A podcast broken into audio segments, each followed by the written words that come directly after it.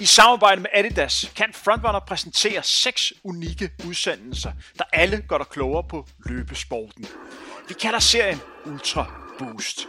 I det første afsnit kunne du møde Adidas produktansvarlig Kasper Andersen. Få et unik indblik i, hvor sportsbeklædningsgiganten står her i 2021. Du kan også møde løberen, som er gået op i distance for at opnå sit fulde potentiale og komme tættere om drømmen om OL. Du kan også møde løberen, som helt har skiftet sportsgren, fordi glæden var væk. Du kan høre om et løbefællesskab, hvor alle bliver behandlet ens, uanset niveau. I denne andet afsnit kan du møde 16-årige Axel Wang, der er klar til at erobre hele verden blive klogere på Axels træning, hans setup, hvor der bliver arbejdet med meget andet end kun det træningsmæssige. Denne udsendelse er optaget i marts måned, altså nogle uger før Axel vandt det danske seniormesterskab på 10 km landevej i ny personrekord 29 minutter og 43 sekunder som den yngste mandlige vinder nogensinde. Når du hører udsendelsen, så bid mærke i, at man godt kan fornemme på Axel, at der er noget stort på vej. Undervejs i udsendelsen optræder et sponsoreret element for Adidas, hvor du kan høre mere om deres supersko Ultra Boost 21. Frontrunner produceret af Team Tempo. God fornøjelse.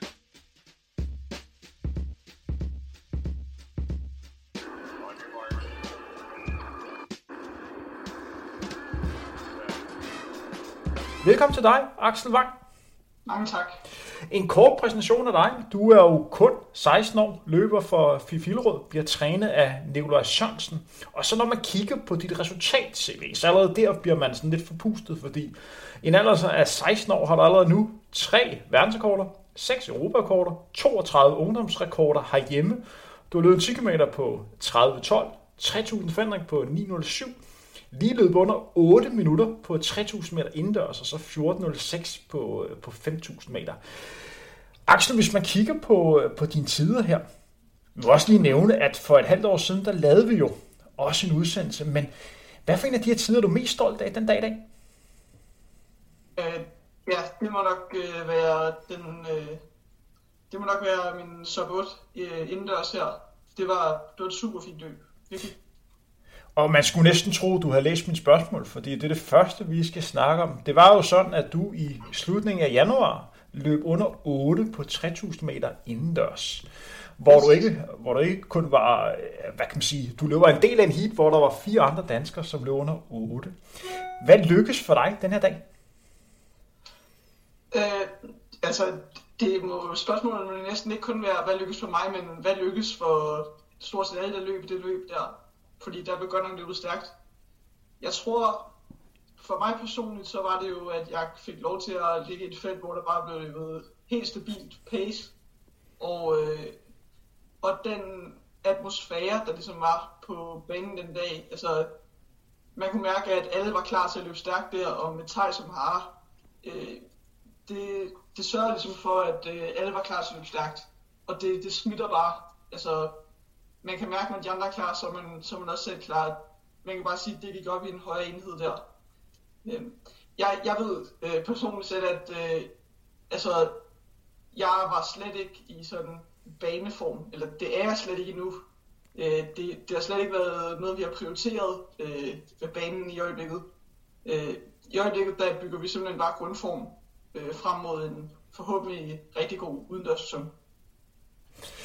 Jeg har jo også startet om det løb i en af de tidligere Frontrunner-udsendelser. Jeg skal nok smide et link op til den i præsentationen af den udsendelse. Der nævnte jeg jo, at jeg synes, at hvis der skulle udbringes en fidusbamse efter det løb, så skulle du have den for dagens bedste præstation. Som sagt blev du nummer 5 den dag, men hvis vi tager udgangspunkt i den PR, man møder op øh, før løbet, så det faktum, øh, at du kun er 16 år, så synes jeg, at din præstation var helt unik. Er du enig i det, jeg siger her, at det her er klart de bedste løb? Øh, ja nej, altså man kan sige, øh, altså det er, det er jo min hurtigste tid, men jeg har jo, i forhold til den alder, har jeg jo løbet flere rigtig gode løb. Øh, men det her, det, det, er, det er nok det bedste, jo. Nu er der jo gået øh, fem uger siden den dag, Vil du betegne dig selv som at være i god form i øjeblikket? Øh, ja, ja det, det vil jeg. Og jeg er i en form, hvor jeg ved, at vi kan, altså vi kan øh, sharpe, øh, ja, vi kan virkelig forfine min form øh, på virkelig mange måder. Altså den grundform, jeg er lige nu, det er den form, som jeg aldrig har haft mulighed for at opbygge på grund af øh, simpelthen brud på træningen. Øh, det har der stort set været hvert år. Altså, jeg har jo jeg har været præget af både sygdom og skader altid om vinteren. Og det her, det er ligesom min første rigtige vinter, hvor jeg har haft kunnet få lov til stort set at, at træne, som jeg, som jeg havde tænkt. Altså på et helt ideelt plan. Axel, vi bliver også nødt til lige at springe nogle weekender tilbage, hvor du løb danske mesterskaber, senior danske mesterskaber på, på 3000 meter. Øh, yes. Du var jo med i en af de mest jævnbyrdige øh, løb ved mesterskabet. Der var virkelig en del løbere, som havde mulighed for at blive dansmester, inklusiv, øh, inklusiv dig selv. Du valgte en meget offensiv tilgang til, til løbet. Kan du sådan lidt fortælle om sådan årsagen til, at du valgte at, at løbe løbet så aggressivt, som du gjorde? Ja, det kan jeg godt. Altså, først og fremmest så er det ligesom den her idé om, at øh, jeg kan bedst øh, lide at have følelsen af, at jeg har prøvet at løbe efter en første plads, og jeg så har fået mig en fjerdeplads. Øh, lidt ligesom når man ser øh, Abdi løbe i front øh, til OL tilbage i 2016 på maraton, hvor han også øh, løber med blandt de forreste indtil omkring 15 km. Altså, det er lidt den samme mentalitet. Og jeg vidste også, at man kan sige, med den fysik, jeg har, altså, jeg er den yngste i feltet, og jeg, jeg er jo ikke sådan så udviklet kropsligt på den måde. Øh, så i en spurt, så vidste vi godt, at så er mine chancer mindre gode. Øh, og så tænkte vi, at øh, vores forhåbning var lidt, at der ligesom, der ville, øh, der ville gå lidt taktik ned bagved, hvis det var, at jeg fik lavet et ryg, og så ville øh, Joel, Jakob og, øh, og Mikkel Dahl, de ville, de ville kigge lidt på hinanden, og de ville ikke vide, hvem der skulle lukke hullet.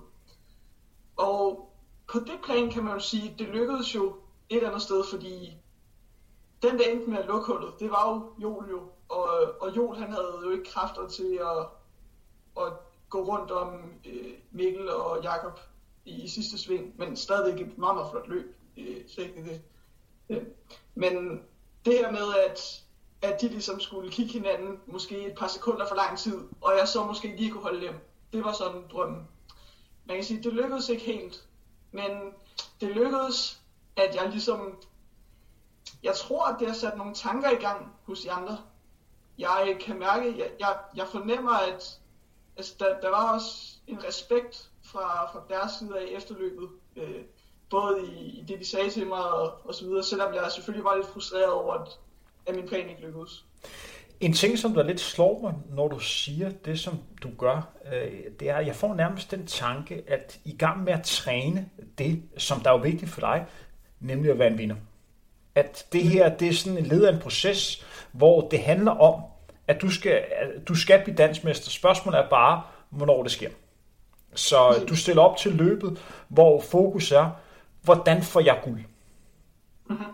Ja, ja. Det er ikke sådan noget med, hvordan får jeg medalje, eller hvordan løber jeg i top 4, eller det... Mm-hmm. Ja. Så, så, så det handler simpelthen for at komme ud, for at lære at være en vinder, og lære, hvad skal der til, for at jeg vinder løbet i dag? Jo, og, altså, og man kan sige, øh, jeg, jeg løber altid for at vinde, men det er jo også et eller andet sted været en motivation for at træne noget hårdere her, øh, kan jeg godt mærke. Altså, nu, nu vil jeg virkelig vise, hvad det er, jeg dur til, altså, fordi øh, det her, det var 8.23, det, det var jo ret misvisende i forhold til, hvad for en form jeg var i. Men, øh, men altså, big ups til Jakob og, og Jana Dreng, de, de løb jo, altså de, de taklede det, det flot, det må jeg sige. Hvad har du lært af det her løb? Øh, jeg har lært, at, at jeg et eller andet sted lært min krop bedre at kende. Øh, jeg, har, jeg har lært øh, mine begrænsninger lige nu, og jeg ved, hvad jeg skal arbejde på. Og så har jeg lært, at jeg har jo jeg har lært, at man kan, man kan godt øh, sætte sig op til at gøre noget, der er lidt vanvittigt. Altså, og det kan også godt lykkes en dag. Altså, det her med at turde lave sådan et move, det er jo, det ved jeg, det er der ikke så mange, der måske har, øh, jeg skulle lige til at sige, nødserne til. Så at jeg i så tidlig en alder kan gå ud og turde og gøre sådan noget der, det, det siger jo også et eller andet sted meget om min mentalitet og, og hvad for nogle ambitioner jeg har som, som løber. Det ligger jo lidt i navnet, det her program her, Frontrunner, at vi jo godt kan lide folk, som der løber for spids og, og tager teten af, af løbet. Så, så herfra er der jo stor kado for, at man vælger at angribe løbet på den måde. Men kan du alligevel forstå at folk, der sidder og siger, ah, hvorfor løb han ikke? Hvorfor løb han så aggressiv? Hvorfor løb han ikke bare med de andre, så håbede på, at han kunne slå min spurt? Øh, ja, det kan jeg godt, men det er jo ikke vinder, så det er jo, det er jo fair nok. At, øh, man kan sige, jeg, jeg har så mange år til at kunne løbe defensivt og løbe et ordentligt taktisk løb og løbe konservativt. Så hvis ikke jeg skulle få lov til at give det et skud nu, hvornår skulle jeg så? Altså, det, det kan jeg simpelthen ikke se. Og Axel, vi bliver nødt til lige at spørge lidt ind til det. Du kan næsten gætte, mig, gætte dig til, hvad for et spørgsmål, der kommer nu. Men tror alligevel, det betyder lidt, når, det når Joel han ligger, og, og det er ham, der, der trækker, at I er begge to er to unge løber. Tror du, han har tænkt, ah, Axel, han skal sgu ikke vinde den her? Ingen tvivl om det. Øh, er, er det positivt for jer, at I har den her rivalisering, hvis man kan kalde det det?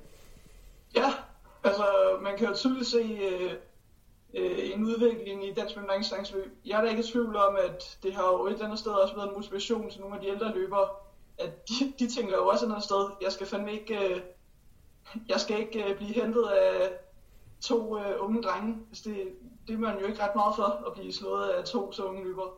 Så det, at vi har den her et sted rivalisering, og man kan sige, jeg har slet ikke noget imod at, at dyste mod jul. Han er, han er sgu en helt flink fyr. Han virker meget... Øh, vi, vi har et ret afslappet forhold på den måde. Så, så det, det handler om her, det er at prøve at få det bedste ud af hinanden, så I begge to kan løfte hinanden til nye højder. 100 procent. Altså, man kan jo se... Altså, jeg, jeg tror ikke, at jeg ville have løbet så stærkt, hvis ikke det var for Joel. Og Joel ville heller ikke løbet så stærkt, hvis ikke det var for mig. Det, på den måde, så må vi ligesom anerkende, at også over for hinanden, at vi har jo været med til at løfte hinandens niveau. Det er der ingen tvivl om. Havde, havde du gjort det samme, hvis det var omvendt? Har du så også gået, gået frem og trukket? Hvis hvad undskyld? Hvis det var omvendt, hvis det var Joel, der havde taget teten og fået hul, og du øh, lå sammen med de andre, var du så også gået frem? Øh, det er ikke utænkeligt. Det, det tror jeg faktisk. Det er ikke umuligt. Hvis vi sådan breder spørgsmålet lidt ud, og så fokus på, hvordan din dagligdag ser ud nu her. Det er jo stadigvæk en tilværelse, der er nok desværre for de vedkommende er præget lidt af, af corona, øh, covid-19. Ja. Men kan du lidt fortælle, hvordan en typisk uge ser ud for dig lige i øjeblikket? Øh, ja, det kan jeg langest. Øh, jamen, øh, mandag her, der, der har jeg øh, morgenløb, og så har jeg øh, en lang skoledag. Øh, og der sidder jeg jo bare her på mit øh, værelse herhjemme øh, med foran computeren og tager imod øh, undervisning online. Og så har jeg aftentræning bestående af noget hækteknik. Så har jeg tirsdagen, øh, den er øh, den er bare med to almindelige ture. Så har jeg onsdag, den har jeg også en morgentur, og så har jeg noget styrketræning om aftenen. Torsdag, der har jeg en morgentur, og så har jeg noget tempo. Så har jeg fredag fri med en øh, yoga session. Og så har jeg lørdag, der har jeg noget, øh, om morgenen, der har jeg noget tempo, og så om aftenen noget styrke. Og så søndag en lang tur og yoga. Og at ændre de her uger så fra, fra uge til uge, er det heller nogenlunde opskriften på, hvordan en dagligdag ser ud for dig? Øh, det er nogenlunde sådan, det har set ud ret længe nu. Øh, det vil jeg sige, ja. Altså, det er klart, det kommer nok til at ændre sig noget, øh, når vi kommer tættere på banesæsonen, men, men det kommer nok også til at se sådan her ud i et stykke tid endnu. Øh, jeg har, selvom at jeg lige har et, øh, et kvalifikationsløb, bare et lille bitte hvor jeg skal løbe under 4 minutter på 1500 meter, hvilket jeg kan jo nærmest, det kan jeg jo gøre to gange, kan man sige, men øh, for at jeg kan løbe 18 hjem til sommer på 1500 meter. øh, så har jeg en rigtig season opener, åbner øh, først øh, slut maj på en femmer. Hvis vi sådan øh, har lidt fokus på det træningssetup, som du er i gang med at få stablet ben og allerede fungerer rigtig, rigtig fornuftigt. En del af research til vores snak, så var jeg inde og kigge på din hjemmeside, og der kan man finde informationer om det, du kalder Team Axel, hvor man kan se, at du har fået tilknyttet en mentaltræner, og øh, en, en fysioterapeut, og så har du også Nikolaj Sørensen øh, så, som din, din hovedtræner. En person, som har jo været en ganske fornuftig øh, løber selv.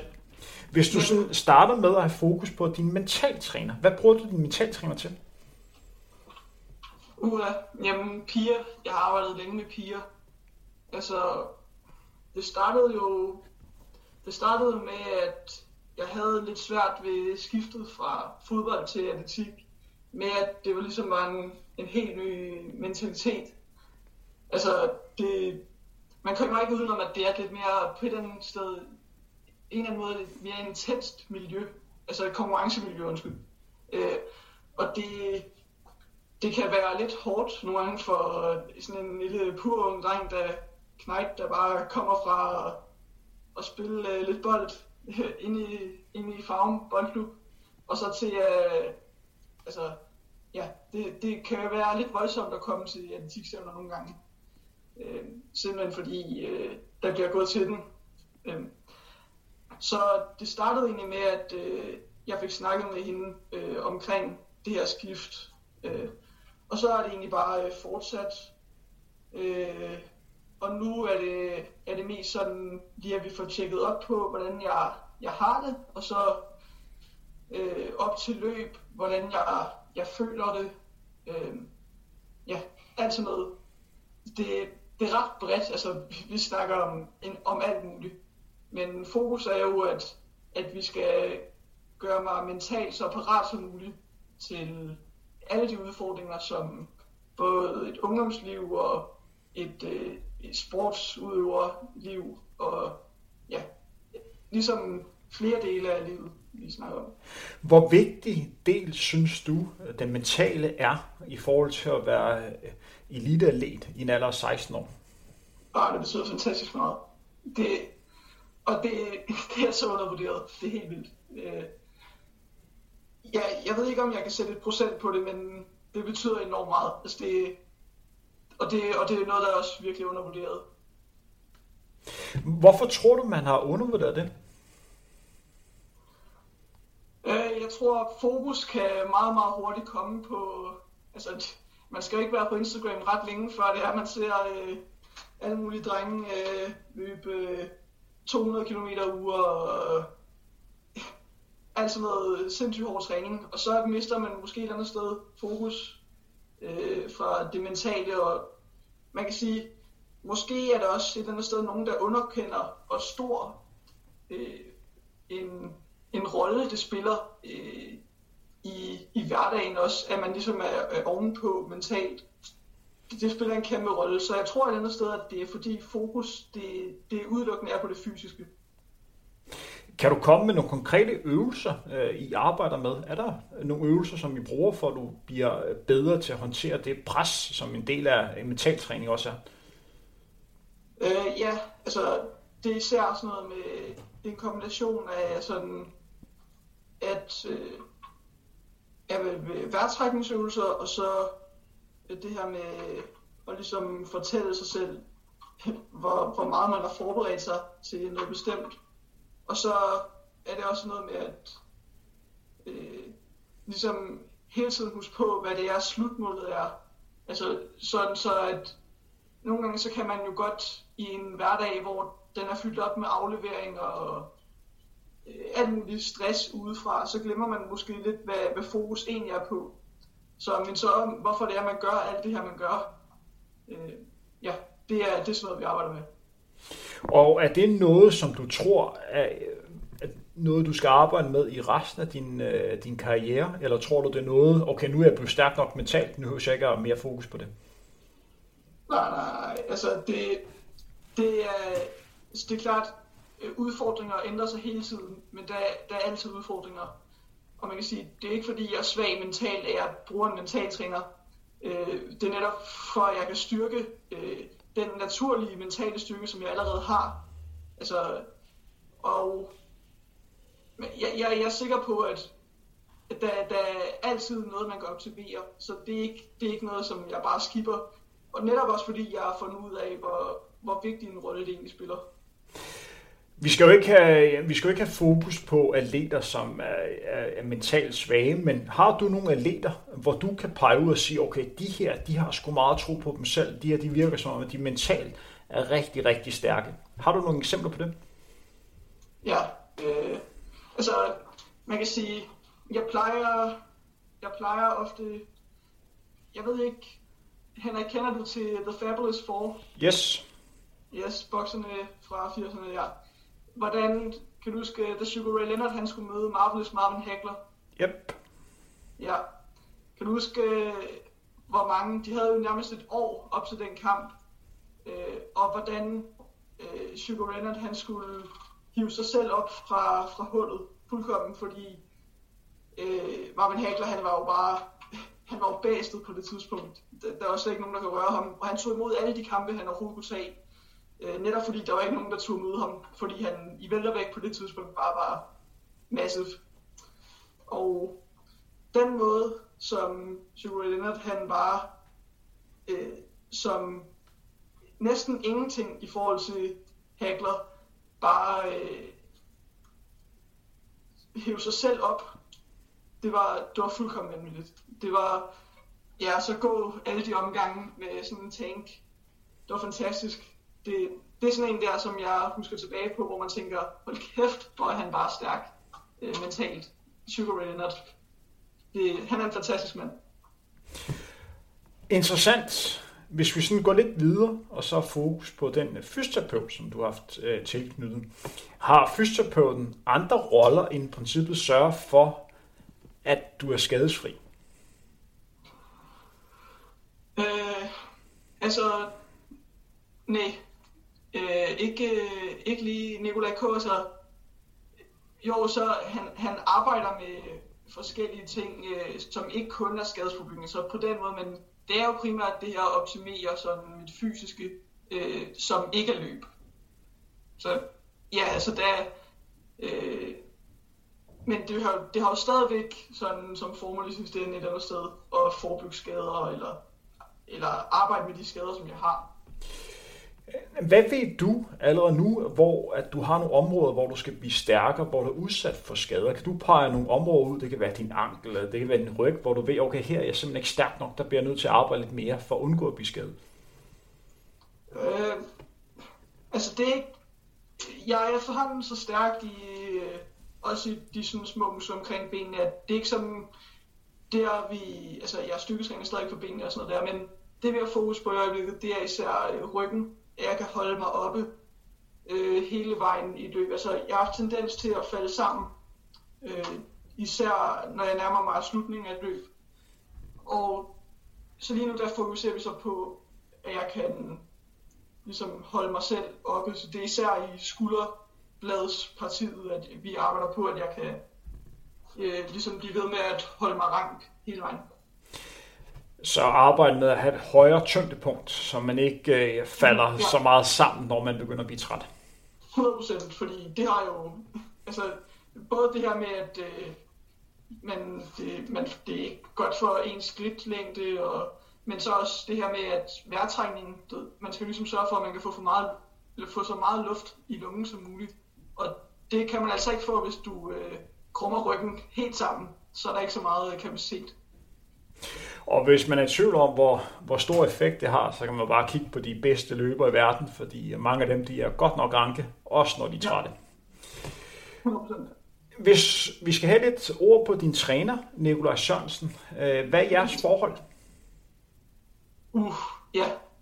Jamen det er, altså det, det, det er næsten ikke øh, nærmest et trænerforhold, øh, træner i det forhold. Altså det, han er jo nærmest, eller han er lige så meget en, en ven for familien. Altså, øh, ikke, ikke kun for mig, men ja, for hele min familie. Altså. Så ja, det, det forhold, vi har, det er helt unikt, og jeg jeg er sikker på, at det er også noget af det, der gør, at vi kan komme så langt. Det er, at vi kan, ja, vores samarbejde, det, det er noget særligt.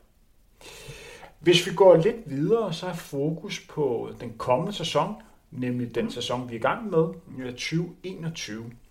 Ja. Helt konkret, hvad er det for nogle ting, som du arbejder på øh, lige nu her? Nogen vil jo nok nævne, at du er nogen gut, der skal arbejde på din, øh, på din ordighed, så du kan blive endnu stærkere imod en afslutning. Men du vil garanteret endnu mere konkret, hvad det er, I har fokus på nu her.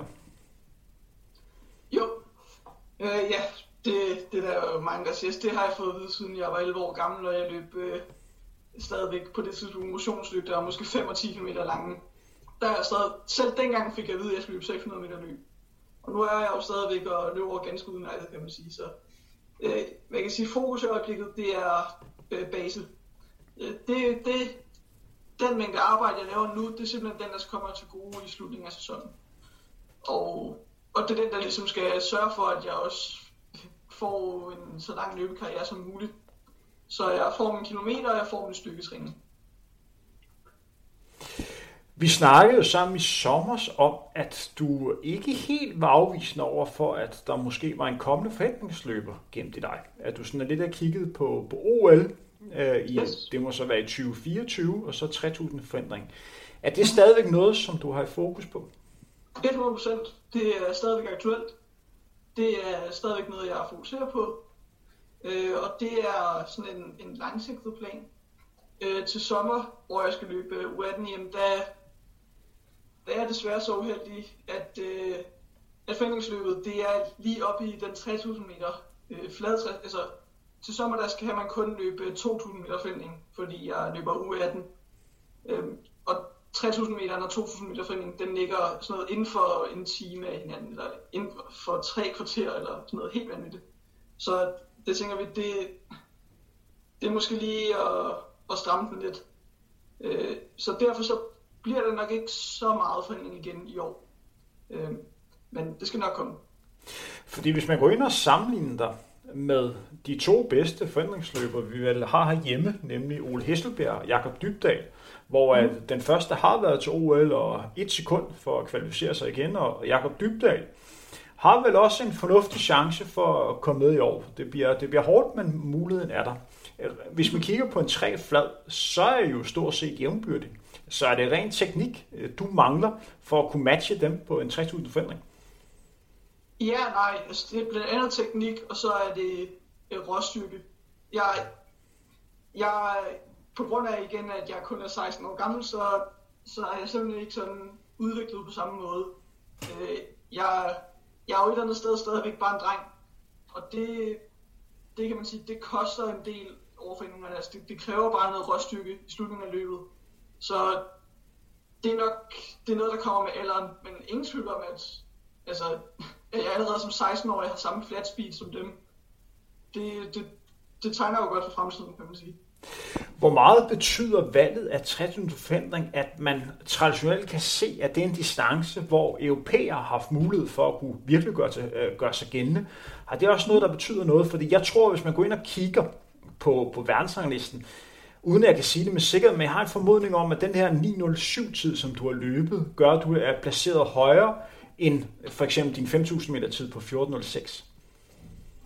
Jo, det, det ved jeg faktisk heller ikke lige, men øh, man kan sige, den der, begge de tider, de er jo også et eller andet sted lidt misvisende i forhold til mit niveau lige nu. Det er jeg overbevist om. Men øh, jo, altså grunden til, at vi vælger den her foreningsdisciplin, det er først og fremmest, at jeg synes, det er pisse sjovt at løbe øh, over foreninger. Det er, det er super fedt med sådan et teknisk element. Men der er også det her med, at man kan sige, at min chance som europæisk løber, det er jo et andet sted, der er et andet øh, teknisk element, hvor jeg ligesom øh, kan stjæle øh, sekunder fra afrikanske løbere. Altså, det kan godt være, at jeg løber 8 8 minutter og sådan noget som 16-årig, men på et eller andet sted, så må jeg vi jo også være realistiske og sige, at det er en enormt østafrikansk domineret sport, øh, den her med lang løb. Øh, så min chance, det er jo måske et eller andet sted for løb. Øh, ikke at jeg ikke vil kunne gøre mig på flad, men hvis jeg, hvis jeg gerne vil realisere de ambitioner, jeg har om altså at løbe nogle af de største finaler, altså VM og OL, så, så bliver det nok en det Adidas nye supersko Ultra Boost 21 ramte din lokale løbeskosbutik i slut januar, start februar 2021. Skal I vælge en løbesko, der kan lidt af det hele, så er Ultra Boost 21 et godt valg. Adidas beskriver selv skoen som deres mest komfortable og behagelige løbesko til dato. Uanset om du skal løbe eller gå i skoen. Nu tilbage til dagens udsendelse. En ting, vi lige skal have fokus på, øh, på igen, og, og du nævnte jo lidt, det er jo den her snak om, at der er rigtig mange, som går ind og kommenterer på din træning og siger, arbejd nu med den hurtighed, mens du stadigvæk er ung. Og det er jo også noget, som man også snakker om, da jeg selv var aktiv. Tro mig, jeg har haft de første 50 mennesker, der har sagt, du skal blive hurtigere på en 400 meter, før du kan løbe stærkt på, øh, på et maraton. Altså, ja. Er du ved at være træt af de, der spiller klog på din bekostning? Ja, altså, det er fint nok, at folk de snakker. Det, det gør det sgu bare. Øh, og man kan sige, vi, vi lever i en verden nu, hvor der er så meget fakta på internettet, at lige, nærmest ligegyldigt hvad for et synspunkt du har, så kan du altid finde noget evidens, der, der ligesom støtter din holdning. Så øh, jeg kan jo godt se, at at øh, jeg skal arbejde for min hurtighed. At man kommer ikke udenom, at øh, man skal kunne løbe øh, i meget, meget under, langt under 60 sekunder på sidste omgang, hvis man vil være med i, i en femmer til, til VM eller EM eller, ja, eller OL. Øh, men øh, jeg er heller ikke i tvivl om, at når det er, at jeg bliver øh, ældre, så er det også noget, der kommer gratis på en eller anden måde. Altså, jeg træner det stadigvæk, og det tror jeg også folk glemmer. Det, det er stadigvæk noget, der inkorporerer min træning, nogle af de her hurtigere løb. Øh, men jeg er heller ikke i tvivl om, at det, der kommer også en del med alderen. Hvis vi kigger på, på fremtiden, ud over forhindring, hvad for en distance tror du, du ender på? Der er jo garanteret nogen, der tænker, hmm, kommende maratonløber. Ja, det tror jeg egentlig også. Hvad er det, der vil fascinere dig i at løbe maraton?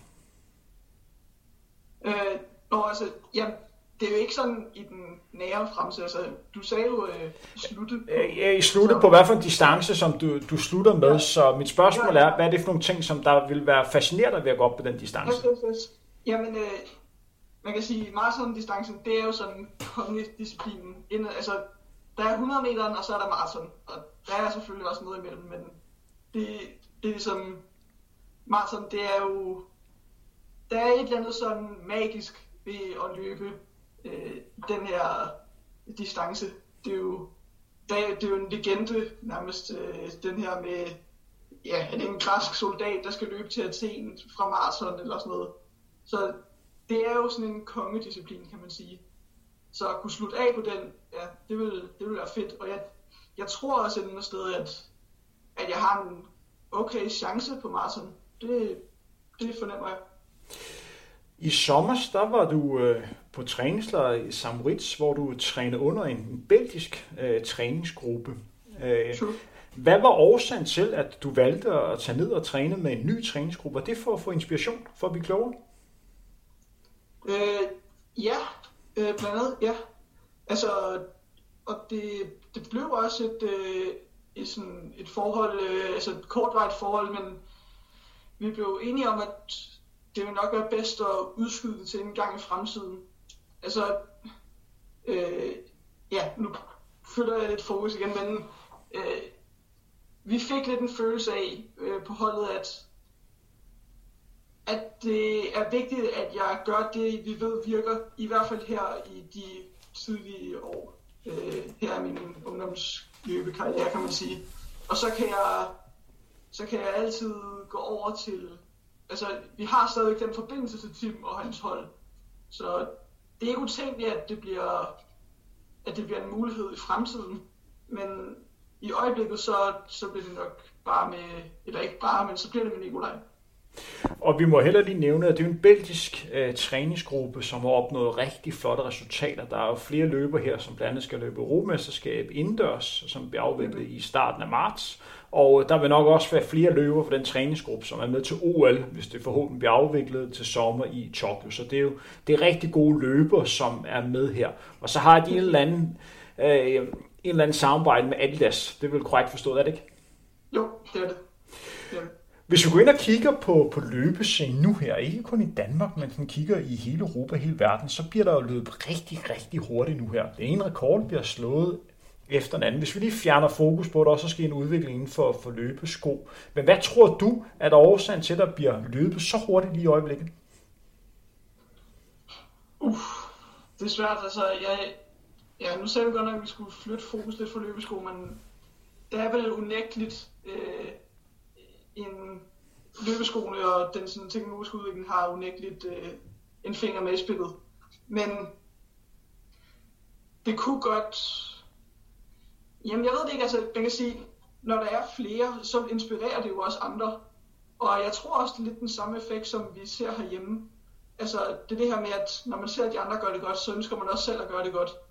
Og øh, selvom at det selvfølgelig er et på et meget, meget højt niveau, så tror jeg stadigvæk, at det princip, det, det, øh, det kan bruges også på højt internationalt plan. Altså, ja, for, den, for verdenseliten simpelthen.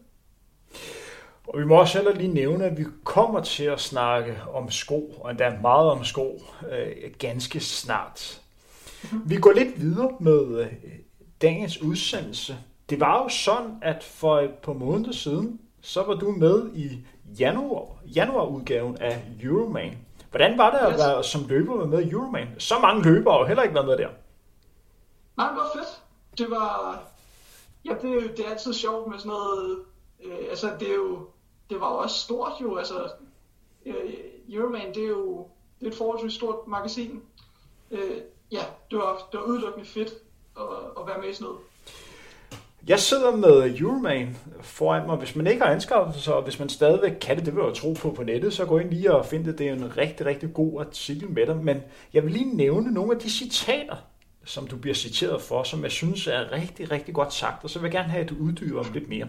Er du klar på det? Jo. Yes. Undervejs så siger du, jeg elsker træning. Jeg elsker at løbe lange ture i skoven. Det er som om, at alting og ingenting findes på samme måde. Kan du uddybe det? Jamen, det er smukt sagt. Jeg synes, det er skarpt sagt, det her. Jamen, det, det er store ord. Nej, altså, det... Altså, det var lige det, der bedst beskrev det, da det var, jeg blev spurgt sådan, hvad det er, jeg føler, når det er, jeg løber. Øh, og man kan sige, det, det er sgu meget svært at sætte ord på. Så.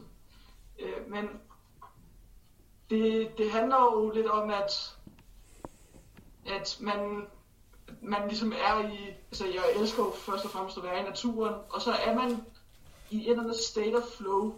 Øh, jeg tror også, at ja, nu laver jeg også en del yoga, øh, og der, der kender jeg også den følelse fra, hvor man, hvor man ligesom er i et, et stadie, mentalt stadie, hvor øh, tiden går, men man mærker det ikke på den måde.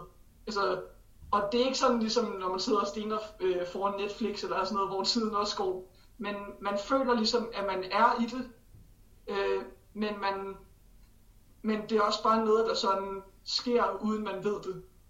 Så det er ligesom det, jeg sådan, det er ligesom nok det tætteste, jeg kan prøve på at forklare det. Men det, det er noget, det er også det, der ligesom gør, at jeg ligesom er så fanget af, af løb. Fordi det du egentlig siger her, det er, at du træner og kunne få rytme undervejs og være til stede i nuet, så at tankerne ikke bare flyver afsted, så du rent faktisk er der, hvor du er lige nu her. Ja, altså, det er klart, det, det er et flow, som man nogle dage finder, og nogle dage ikke finder. Altså, der er nogle dage, hvor det er, som, som du selv siger, så, hvor tankerne bare flyver, og øh, man, man grubler over alt muligt, og skoledagen og hverdagen, hvilket et eller andet, også sted, hvilket et eller andet sted også er sundt. Øh, men der er også der er nogle dage, og, øh, og det er nok måske den største en af dagene, hvor jeg føler, at jeg, altså jeg er i sådan en state of flow. Virkelig. Fordi en ting, som folk ofte siger, hvis de ikke har prøvet at, at løbe så meget selv, det er, men du har jo masser af tid, når du er ude og løbe til at træffe de rigtige valg.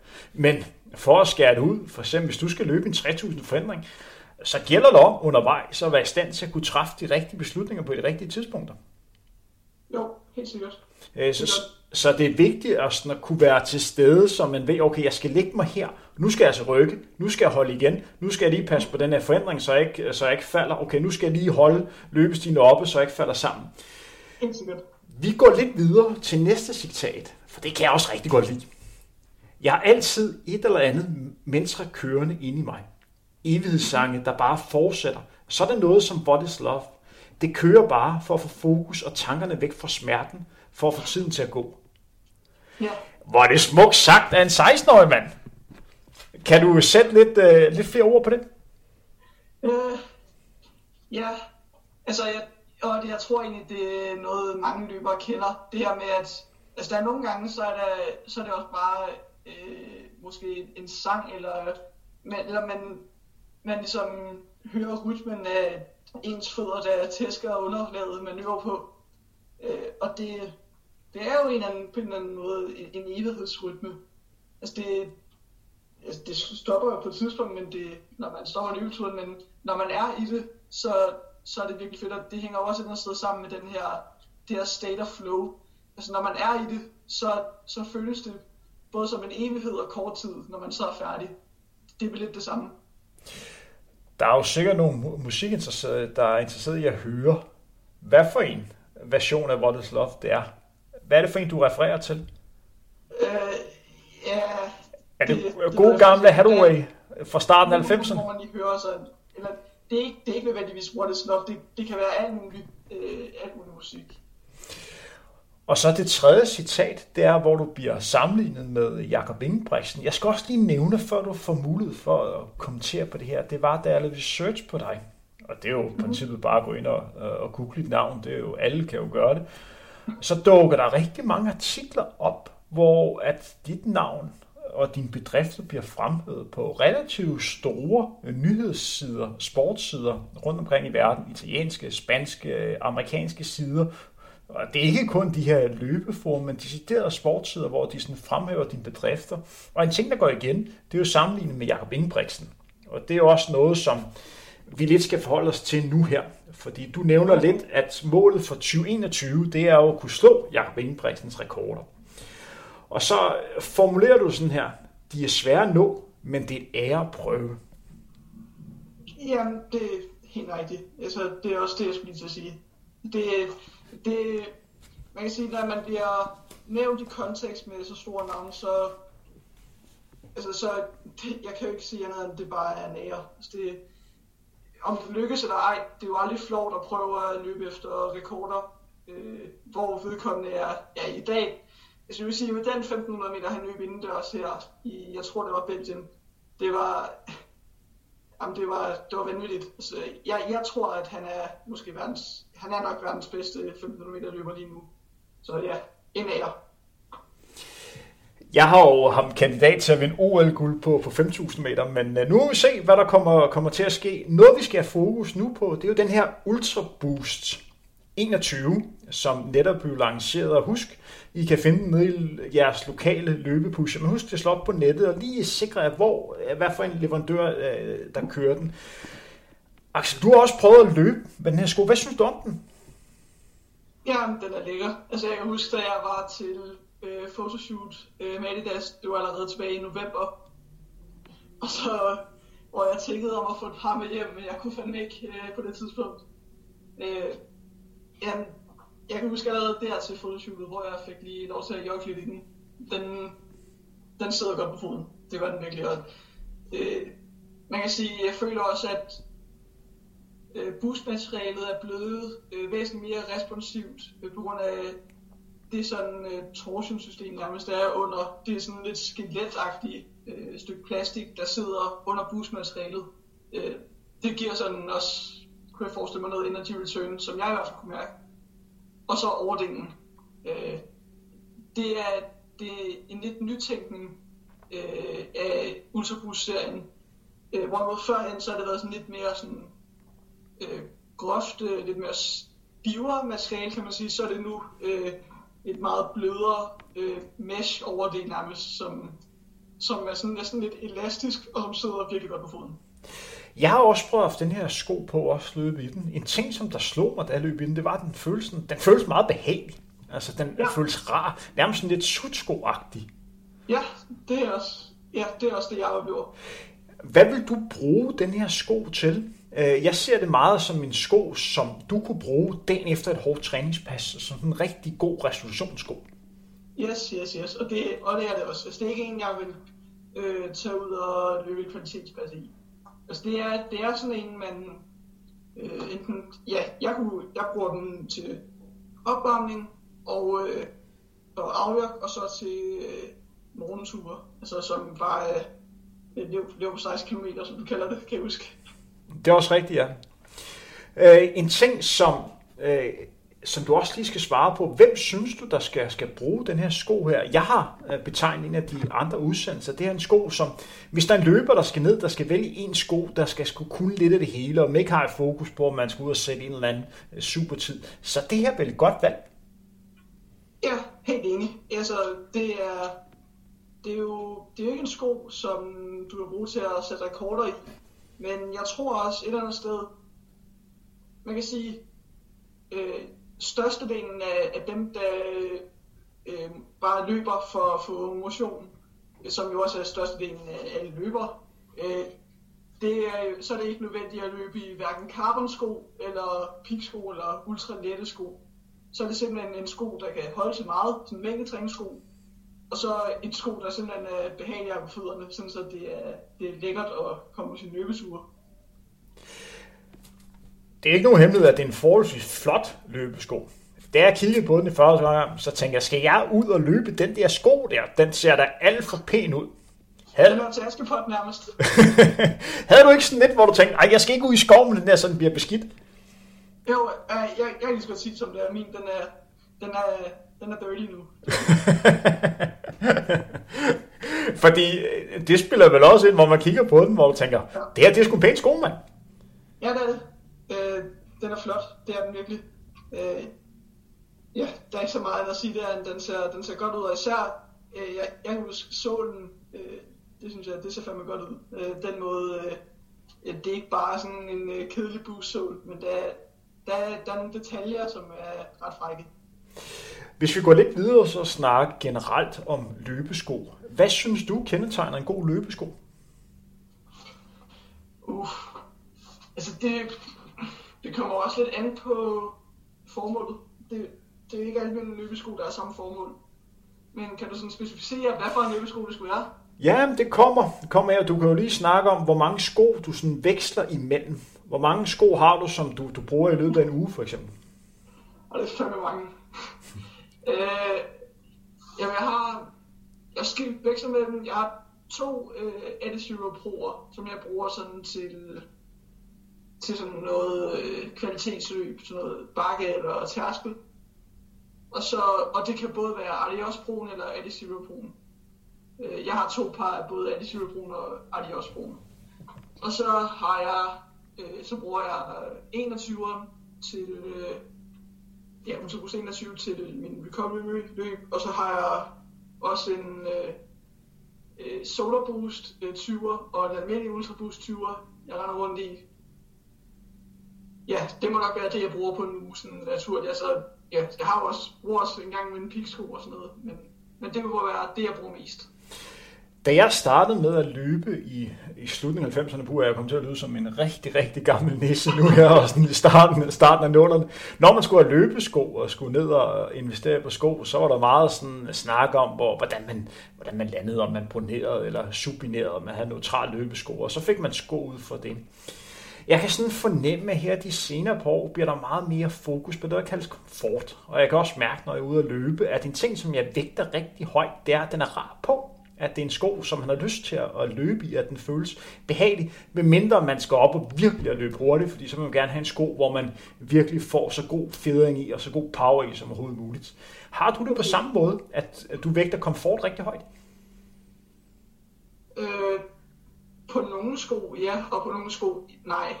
Altså, man kan sige, Øh, det, det er vel lidt sådan et, øh, jeg ved ikke om det er et modefænomen, men det er i hvert fald noget, der er blevet populært hen over de seneste år, at øh, den skal helst, der skal helst være, øh, i hvert fald på, nej det er vel egentlig sådan generelt på løbeskurs, der skal helst være så meget foam som muligt, og de skal helst være chunky, altså, og jeg tror ikke kun, at det er sådan for, at de skal være behagelige, men det er jo også et eller andet sted for udseende. Altså det, det er jo, hvis man sammenligner sådan en sko fra, øh, lad os sige, 80'erne, og så med nu, øh, og det kan jo også godt skyldes, at, øh, at man har fundet ud af, hvor vigtigt det er, at der er noget stødabsorbering. Men så vil jeg da våge den påstand, at man kan virkelig se en uh, increase i, i mængden af, af skum, der er i løbesko. Altså det, jeg tror ikke kun, det handler om komforten. Det er også et eller andet sted øh, noget mode på en eller anden måde. For en ting, som du nævner der, der kan jeg slå lidt krølle på, da jeg selv var, øh, var aktiv. Altså, da jeg lå og løb øh, maraton i 13, 14 og 15, de maratonsko, jeg havde, altså, der var ingen støtte i overhovedet. Det var nærmest en så flad sko, som var overhovedet muligt. Der var sådan noget 130, 140, 150 gram. Altså, ja, det var sjovt, at det blev kaldt race flats. Altså, det var nærmest bare en klipklap, med, der bare også havde, havde snørbånd. Ja, og det gjorde, at altså, i starten, der havde du en fed fornemmelse for bare løbe på bare tær, men efter 30 km, der var du godt nok smadret af din, øh, din, øh, din kommelutter. Men en af de ting, nu når vi breder snakken lidt ud, og så tager fat på de her carbon-sko, udover at, at man kan se, at det er nogle sko, som man kan præstere øh, bedre i, er du også enig i, at det med, at man løber i carbon-sko, at du kan holde til at træne hårdere, fordi du ikke bliver træt på så meget måde, eller træt øh, på samme måde som tidligere, fordi der er så god støtte i? Øh, ja. Ja, altså det, det tror jeg. Øh, det er jo selvfølgelig svært for dig at vide, når du ikke rigtig har løbet de, de tidligere ja, modeller. ja, jeg løb ikke så meget i 90'erne, kan man sige. Nej, nej. Øh, men øh, jeg vil sige, jeg kan i hvert fald mærke stor forskel på, om jeg træder ned i en Solarbus, eller om jeg træder ned i en Adizero Pro. Øh, der, altså også bagefter, det, der er en verden til forskel. Øh, jeg vil også lige sige, i forhold til det, jeg før, det, det er også, øh, udover det sådan noget mod og sådan noget, jeg, jeg glemte lige at sige, at det er mine tanker også, det er sådan noget, det er markedsføring især. Altså, nu der, nu er kommet endnu mere skum i, end der var sidste år og sådan noget. Det, det handler også især om, om markedsføring, kunne jeg forestille mig. Hvis vi går et halvt år tilbage og så refererer til den samtale, som vi havde en meget varm dag i, øh, i Hillerød. Det var, sgu, det var en hyggelig dag på det tidspunkt. Altså, det er desværre ikke muligt for os nu at, at mødes. Vi tager de her coronarestriktioner øh, seriøst, og det er årsagen til, at vi sidder og snakker over en, en netforbindelse. Det er sådan, verden er øh, 2021. Men der havde du, altså, der havde du været, øh, været på under kontrakt i Aldas i sådan et lille års tid. Og på det her tidspunkt, der var alle deres i gang med at skulle lancere deres første øh, carbon-sko. Og du stod og kiggede ind i, at du skulle prøve at løbe øh, med nogle helt nye, øh, helt nye carbon-sko, der på en eller anden måde skulle tage lidt kampen op mod lidt mere etableret øh, mærker på, på det område. Man må sige, at for det sidste halve år, at der er sket meget for Adidas og deres sko, og der er jo sat verdenskort også i, i de her Adios øh, øh, Pro. Kan du mærke forskel på, hvordan det er nu at løbe i Aldas, end det, øh, nu, end det var i sommer? Øh, ja, øh, det kan jeg godt. Altså, førhen, der var det jo især den her Taukumi, der ligesom var deres øh, flagship øh, race øh, sko, øh, som også var hurtig. Øh, men jeg vil sige, øh, de nye modeller her, Adios Pro og Adidas Pro, de, de kan noget. Det er der ingen tvivl også. Det, det kan man jo også se på, på verdenseliten. Øh, det er vel ikke tilfældigt, at, at der er blevet sat verdenskort på halvmarathon, som kan du øh, det løb der i Valencia, det var fuldkommen fantastisk. Med både Ronex Kibruto og jeg kan ikke huske, hvad vinderen hed. Ham, øh, Gandhi. Yes, nemlig. Men øh, kan du mærke, at øh, du har jo været aldersløber i nu øh, i halvanden års tid. Kan du mærke, at der er flere, der sådan har, har fokus på, okay, de der sko, du løber i der, de, de kan sgu noget? Ja, det, det kan jeg virkelig. Altså, øh, den er, øh, jeg, jeg kunne forestille mig, jeg, jeg har jo ikke løbet så meget i de konkurrerende modeller, men det har jeg jo slet ikke her, når som Adidas løber. Øh, men ja, jeg, jeg ved i hvert fald, at når jeg står på startstregen, så, så det er i hvert fald ikke øh, udstyret, der, der ligesom er problemet. Eller en udfordring, eller sådan noget der. Det, det er slet ikke det der fokus. Vi er jo kommet til det sted i dagens udsendelse, hvor at du skal udsættes for en lille... De, de okay. første spørgsmål handler om, om løbesport, hvad kan man sige generelt, med lidt vinkel over for Aldas, så kommer der to spørgsmål om Aldas historie, og så kommer der spørgsmål om dig. Okay. Skal vi starte? Har du mod på at med den her lille quiz? Ja. Du er udmærket godt klar over, at der findes en løbelegende, der hedder Heilige på Slash, Jadrik. Jo, nej. Mit første spørgsmål til dig, det er, hvor ja. mange verdensrekorder har Heilige på Selassie sat? Og der kommer tre valgmuligheder. Okay. 20, 27 eller 8? Øh, det er mere end 8, det ved jeg. Øh, Han var god. Han var virkelig. Han, var, han løb virkelig stærkt. ja, og ja, de fleste husker ham jo nok sådan for øh, den fantastiske duel, han havde med Paul Sølger tilbage i år 2000 øh, på 10.000 meter. Øh, mit bud, det må være øh, 20. 27. Forbandet. Lad os, øh, lad os gå videre. En anden Adidas-atlet. Og det er jo selvfølgelig derfor, at Heilige Blas er med i den her quiz her, fordi han øh, løb i Adidas øh, sko og tøj. Ja.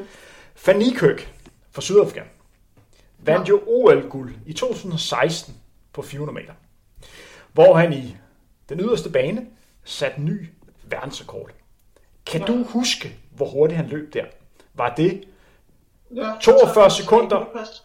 Var det 42 sekunder og 99 hundredel, eller var det, var det 43.01, eller var det øh, 43.17? Nå, øh, så er det 3 for 01. Det er rigtigt. Så øh, du, øh, du har fået den første rigtig. Okay, var godt. Vi snakkede om ham før. Øh, Gandhi, eller Gandhi fra, fra Kenya, Ja. har, har i 2020 haft et fantastisk sæson. Han har som den første løber igennem tiderne vist, at han har ikke bare et højt topniveau, det havde han da han sat verdensrekord, men en ekstremt stor bredde, for det har han formået mange gange at løbe under 59 minutter på halvmarathon. Hvor mange gange gjorde det sidste år? Var det en gang, tre gange eller fire gange? Uh. Ah. Jeg kan i hvert fald huske, at han løb omkring 57,5 minutter i Valencia. Øhm, kan jeg lige forsvare mulighederne igen? Var det en gang, eller var det tre gange, eller var det fire gange? Det var tre gange. Faktisk hele fire gange, han løb under 59 minutter. Han øh, startede med at løbe et løb øh, i det forenede arabiske emirater i øh, februar måned, og så øh, løb han under 59 minutter til et Adidas-løb i Prag i starten af september, og så løb han under 59 til verdensmesterskabet øh, på halvmarathon, og så løb Yes. han så ny øh, verdensrekord. Min næste spørgsmål, det er hans verdensrekord. Hvor hurtigt løb han der, og du får plus minus 10 sekunder. 57-30. Det er godkendt 57-32, så den sidder lige i skabet. Okay. Nu får du to spørgsmål, som sådan handler om Adidas historie. Og det kan godt være, en mand, der kun er 16 år, han bliver lidt udfordret her. Så, øh, men vi prøver alligevel. Kan du huske, hvad stifterne af Adidas hedder? Ja, øh, det var brødrene.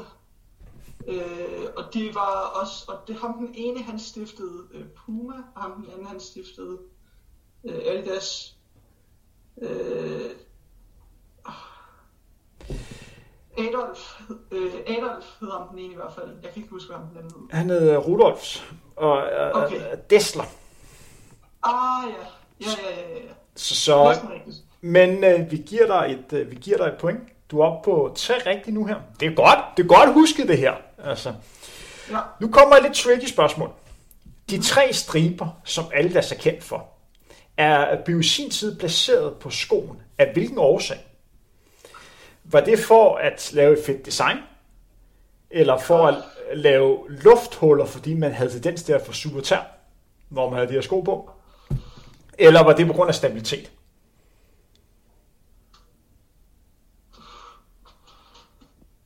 Øh. Det er også et tricky spørgsmål, jeg stiller dig her. Okay, så selvom det er et fedt design, så jeg tror ikke, at det kan være det. Og så er det luftfælde eller stabilitet. Øh, stabilitet giver... I, altså, i mit hoved bedst mening. Jeg, jeg, jeg går med stabilitet. Det er rigtigt. 4 ud af 6 rigtigt. Yes, okay. Så øh, kommer det næste spørgsmål, der handler om dig. Tilbage i 2019 satte du, øh, satte du en verdensrekord på øh, 10.000 meter. En uofficiel verdenskort, ja, det skal lige nævnes, øh, på 10.000 meter med 30-50. Den bedste notering, som du slog der, hvor gammel var den? Plus minus 5 år.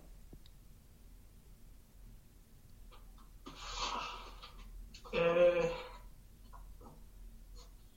ja, jeg kan huske, det var 32 øh, et eller andet. Det er 32 lavt, der blev løbet. Og den var gammel. Den var rigtig gammel. Den var forfærdelig gammel. Den var omkring 40 år gammel, tror jeg. Den var 44 år gammel. Det var altså den Jamen rekord, altså, som du øh, er fuldstændig smadret. Og du har fået endnu et point. Yes. Så nu er du oppe på 5 rigtigt ud af 7. Hvordan var det egentlig talt at sætte øh, verdenskort den dag? Var det ikke en fed oplevelse? Jo, det var... Ja, det var... Det var helt fantastisk. Det var, jeg kan huske, jeg, jeg husker det tydeligt. Det var... Øh, der var vildt mange mennesker. Det var en Østerbro Stadion. Og øh, ja, jeg fik hjælp af, af alle drengene fra HMRC. Og det er, de var virkelig nogle, øh, nogle gode gutter den dag der. Og det er de stadigvæk selvfølgelig. Men det var... Jeg, jeg er stadig taknemmelig over, at de, de valgte at stå til rådighed for mig og, og hjælpe mig der. Hvis vi går videre til spørgsmål nummer 8. Og her får du ikke, øh, her får du ikke noget hjælp med plus minus eller andet. Hvis vi går ind og kigger på årgangsrekorden på 16 år. Altså den rekord, som du har mulighed for at slå i år. På 3000 meter. Ja. Hvor hurtig er den? Vil du mærke? 756 er Hans Kulse. Det er rigtigt! den, den regner jeg nu også med, at du kunne. Så, øh, og den er du tæt på. Det må vel være målet. Ja, altså ja. Og, og igen, øh, de her international age records, altså det er jo, det er jo alt sammen et step på vejen. Altså, øh, jeg jagter ikke øh, på den måde de her tider. Øh, det er en bonus øh, for den naturlige udvikling, jeg prøver øh, mig med. Og det er jo udelukkende en motivation for at forbedre mit, mit løbeniveau. Det bliver spændende at følge, øh, øh, i, i hvert fald. Jeg mener, rekorden på, øh, på 3.500 er vel 8,46 eller sådan noget. Okay, yes. Øh. Hvis vi, øh, den virker ikke helt umulig. Hvis vi går videre til spørgsmål nummer 9. Det er jo sådan, at du har jo løbet i en, i en del år, og hvis, igen, hvis man kigger lidt tilbage, så kan man se, at dit navn dukker op rigtig mange gange på resultatlisterne, typisk øverst. Du har også været med i boldkast, kunne jeg se, hvis man sådan kigger sådan lidt om, omkring, og lidt også lidt enkeltspring, kunne jeg se. Men jeg, jeg faldt over etape Bornholm tilbage i 2018. Der var du med i børneudgaven derovre, i aldersgruppen 12-14. Kan du huske det? Ja, og, men hvis det så er et andet med, hvad jeg løber tid og sådan noget der, ah, Nej, men det, det, det, er faktisk, ikke- det er faktisk ikke det. Fordi du vinder fredagsetappe i Ronde, der er 4,2 km. Jeg kan fortælle dig, at jeg løb på 20,35. Du vandt med 1 minut og 6 sekunder til en løber, Ja. som rent faktisk nu er begyndt at løbe rigtig, rigtig hurtigt.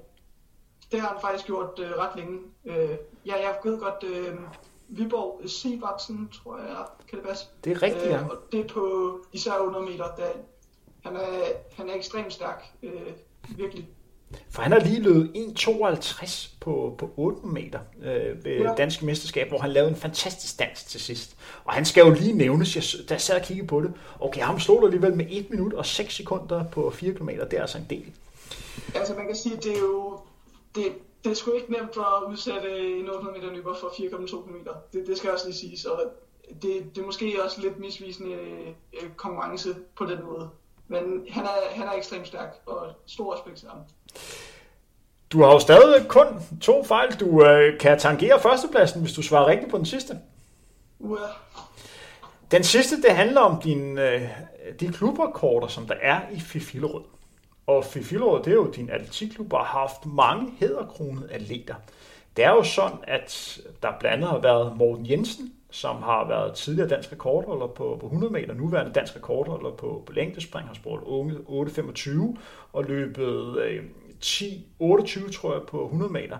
Så har de haft en af de største talenter, jeg nogensinde har set på 100 meter distancen, nemlig en, der hedder Eddie Andersen. Har du hørt om ham egentlig? Det har jeg i hvert fald. Han var, han var vild. Altså kæft, han, kunne, han løb godt nok flot. Er du sindssygt, han løb flot. Altså. Hvem har klubrekorden i Fifilrød på 3000 meter, eller nærmere, fordi rekorden er jo slået, for den har du jo. Hvem tog du rekorden fra? Tom B. Hansen. Som har jo løbet 8, 26, og som sagt, altså Fifilrød har jo opfostret rigtig, rigtig mange gode atleter. Du fik 8 rigtige, så du ligger på en del førsteplads. Tillykke med det. Ja, sådan. Så øh, allersidst, så skal jeg lige spørge dig om, inden vi lukker ned for i dag. Hvis vi snakker sammen igen om en års tid, hvor hurtigt tror du, du har løbet der, hvis du sådan skulle, øh, skulle byde på det? Ja, øh, det, altså, man kan sige, fokus for den her sæson, det er jo primært øh, U18 EM øh, til sommer i Riesi. Øh, og så er vi lidt, vi har faktisk ikke planlagt øh, efterårsløb nu, men vi har planlagt alle forårsløb. Øh, øh, men, og, og efterårsløb, det bliver primært sådan noget som Hermitageløbet og muligvis Royal Run og sådan noget der. Øh, lidt længere. Men øh, hvis vi skulle prøve med, lad os sige 5.000 meter, øh, så jeg, jeg tror næsten, at jeg har løbet under, under 14 minutter. Det, det er jeg ret sikker på. Øhm, hvor meget? Jeg tror, eller jeg håber i hvert fald, jeg håber på en tid øh, hurtigere end 45, 13.45 så tager vi udgangspunkt i det, der også vil være en fantastisk hurtig tid. Det bliver rigtig spændende at følge dig i 2021. Axel, er der nogle ting, som du gerne vil have tid til lige at øh, sige til mig og til Frontrunners lytter? Øhm, ikke andet end jeg måske lige vil pointere det her med, øhm, jeg kan huske, øh, der var sidst jeg var med i, i dit Frontrunners, så var det sådan noget med, at Øh, der var flere, der var vrede over, at du havde brugt øh, verdensrekord øh, som udtryk for de rekorder, jeg satte. sat. Øh, og hvis jeg lige skal specificere lidt, hvad det er for nogle øh, rekorder, det hedder jo International Age Records. Og International Age Records, det er en rekordliste, man kan finde online, øh, som konstant bliver opdateret. Øh, og det er de bedste tider øh, inden for sådan noget som et par 40 lande. Øh, overalt i verden. Øh, mange, jeg synes husker det, par 40 lande.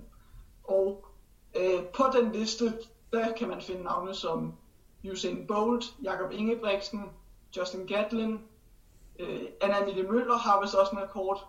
Altså virkelig alle de største navne. Øh, og grunden til, at man har de her international age records, det er netop fordi, man ikke har øh, verdensrekorder for hvert år, øh, eller sådan for hvert ungdomsår. Der er kun øh, U20 verdenskorter øh, og U23 og, og sådan noget, og, og så senior verdenskorter. Så det er en liste over øh, de hurtigste tider, der er løbet for øh, en ungdomsudøver for hvert år. Øh, for hvert år, de ligesom er, er gamle. Så, og når man er på den liste, jamen så er man som sagt blandt øh, de allerstørste navne overhovedet. Men øh, faktum er, at du er er 16 år og har løbet under 8 på, på 3000 meter lige over 14 og 30 på, på 10 km. Det kan ingen løbe fra. Og det er der ikke nogen, ikke særlig mange lige meget, hvor, hvor gamle det er, der har, der har gjort derhjemme. Så dine bedrifter er unikke. Axel, tak fordi du lige kunne pensle det ud. God fornøjelse ved, øh, ved dagens træning. Og, øh, Tusind tak og tak fordi du har lyst til at være med i denne udsendelse. Øh, tak til, Aldas for at gøre denne udsendelse muligt. Som det, du har hørt nu, var en udsendelserække, øh, hvor vi skal have fokus på den her nye sko, som er kommet fra Aldas Ultra Boost 21, og så snakke med nogen af Aldas atleter om det at være atlet, og hvad for nogle overvejelser de har omkring sæsonen 2021. Mit navn er Henrik Thiem. Jeg vil gerne sige tak for nu, og hvilken bedre måde end at lukke ned på en af, en af citater, som Axel har sagt, som jeg synes er meget passende på vores samtale i dag, så det vil jeg lukke ned med. Alting og ingenting findes på samme tid, når jeg løber. Det her var snak med Axel Wang Christensen. Det er var frontrunner. Mit navn er Tænkt. Vi høres ved igen inden længe.